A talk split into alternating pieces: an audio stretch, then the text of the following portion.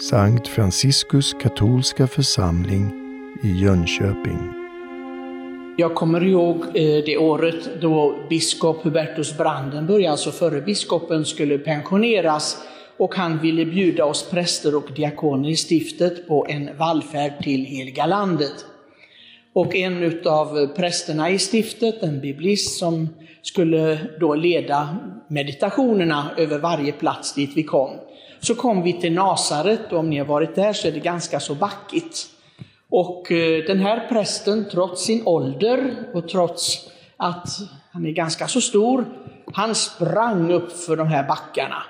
Och eh, till sist så jag såg att både biskop och de flesta av oss var långt efteråt, så jag sprang upp till honom och sa, Pater, eh, du får nog sakta ner lite här för alla hinner inte med.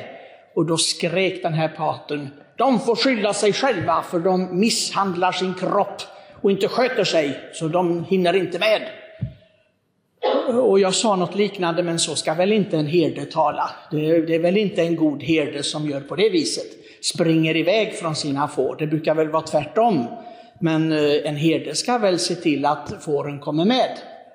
Och eh, jag tänkte på det när vi var där, för det är ju det landet som Herren har uttalat de här orden. Eh, och jag hoppas verkligen inte att den gode herden som vi firar idag, Jesus Kristus, gör på samma sätt, bara springer iväg och vi andra får vara där vi är. För då går det ju illa för oss. Men han säger, jag är den gode herden. Jag ger mitt liv för fåren. Jag tror att vissa idag och i många tider, och särskilt vi som bor i städer, kanske känner det lite egendomligt det där med att vi skulle vara får. Vi, i, åtminstone på svenska, jag vet inte på andra språk, så, så är det ju lite genant när man säger att någon som följer efter någon är en fårskalle. Någon som inte har egen vilja eller egna idéer om hur det ska vara, det är en fårskalle.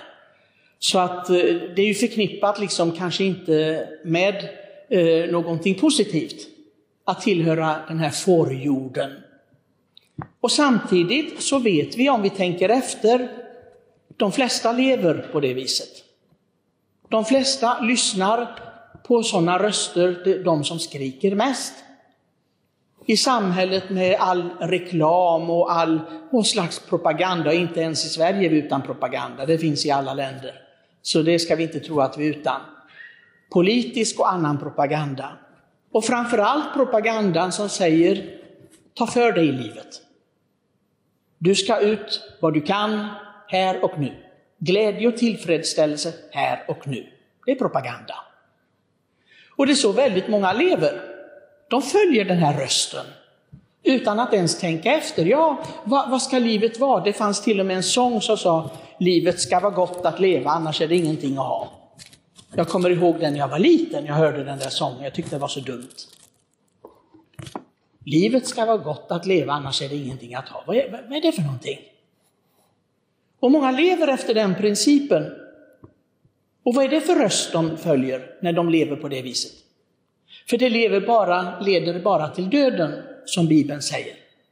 Den som inte låter sig liksom ledas av Gud och vill komma närmare och närmare Gud, och det är det som är processen, anpassningsprocessen till himmelen. Ja, det leder till ingenting, till ett tomt och innehållslöst liv. Vi har någon som vill leda oss och vi kallar honom för den gode herde, för han själv säger att han är en god herde. Och han levde ju i ett samhälle där det här var normalt. Man såg överallt herdar som ledde sina jordar. Och, eh, men idag, vi ser det inte på samma sätt, men vi förstår vad ledarskap är för någonting. Och ett gott ledarskap. Och många gånger när vi öppnar våra tidningar eller lyssnar på, på radio eller ser på TV och så, så får vi exempel på dåligt ledarskap. I alla de former. I kyrkan, i samhället, i staten. Men Herren han vill leda oss rätt genom att vi följer ett liv.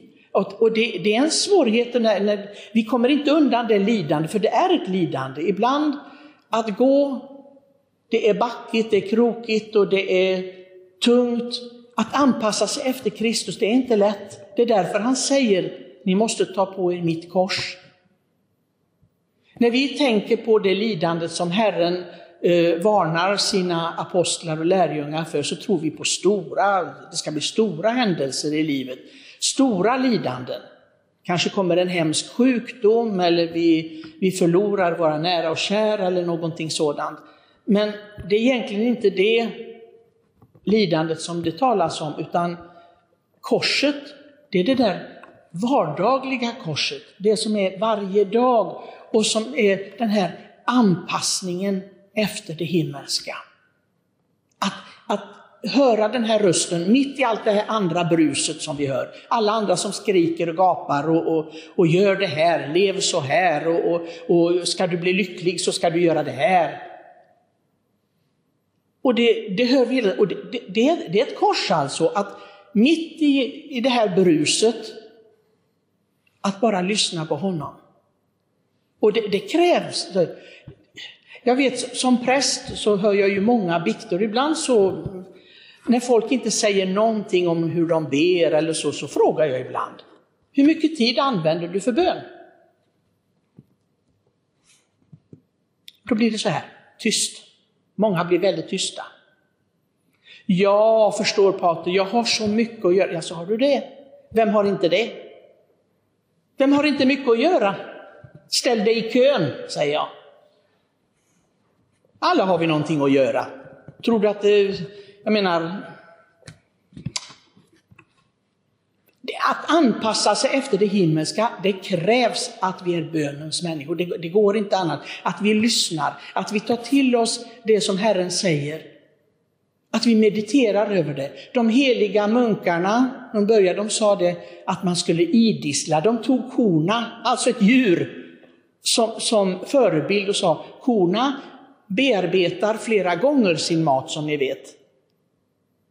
De, äter, de tar till sig gräs och hö och allt vad de nu äter och, och det idisslas heter det, för det, och det kommer upp igen och de bearbetar det om och om igen. Så är kon skapad. Och de heliga munkarna, de använder just det här uttrycket att idissla. Att idissla Guds ord. Det räcker inte bara att vi säger, ja men jag hör, jag går i kyrkan på söndag, jag hör, om jag skulle gå ut på backen sen utanför och fråga er, ja, vad var nu det läsningarna? Berätta nu för mig vad, vi, vad ni hörde i kyrkan idag. Ni kanske kommer ihåg någonting från predikan. Men om jag säger, men läsningarna, vad läste vi idag? Vad handlade det om?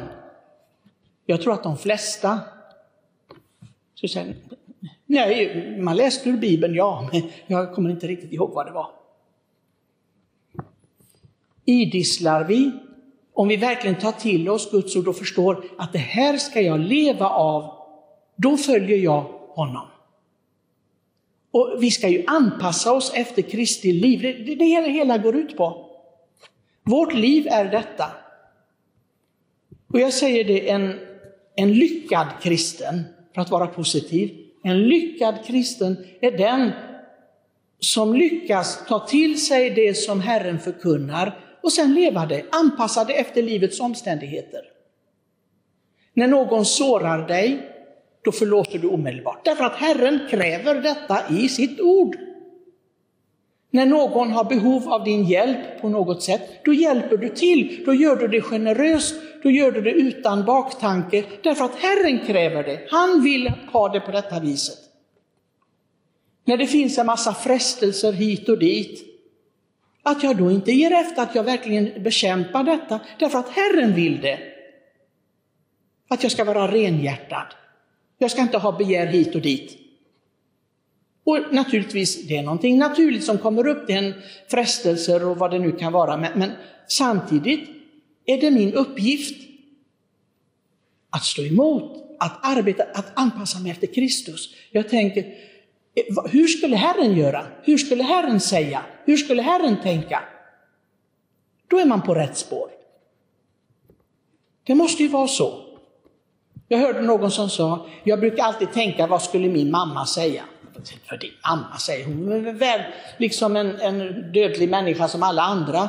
Om du är kristen så ska du tänka, vad skulle Herren säga? inte tänka vad din mamma, eller din pappa eller din moster säger. Det spelar det för roll? De är syndiga människor som alla andra. Men vad skulle Herren säga? När jag är i en viss situation och då, då be om ledning. Jag hörde en ung kille för lite länge sedan, han sa det att eh, jag fick min kallelse, eller jag, jag tänkte på min kallelse när jag fick ett litet kort och på den stod det Birgittas bön. Herre visa mig din väg och gör mig villig att vandra den. Så började hans kallelse. Och det är just det, ett helgon, en människa, vi, vi, är, vi är kallade till det, att bli helgon. Herre, visa mig din väg och gör mig villig att vandra den. Vi ställs dagligen inför sådana situationer som vi verkligen måste tänka till. Hur ska jag reagera? Hur ska jag säga nu? Kanske i ett samtal med någon. Det kan vara så enkelt, men ändå, det är ett val som måste göras. Jag brukar ju ofta citera för den stora moder Angelica. Och hon sa så här, och jag, det, det är verkligen en, en liten sammanfattning av evangeliet. Vi är alla kallade till att bli stora helgon. Missa inte chansen. Missa inte chansen.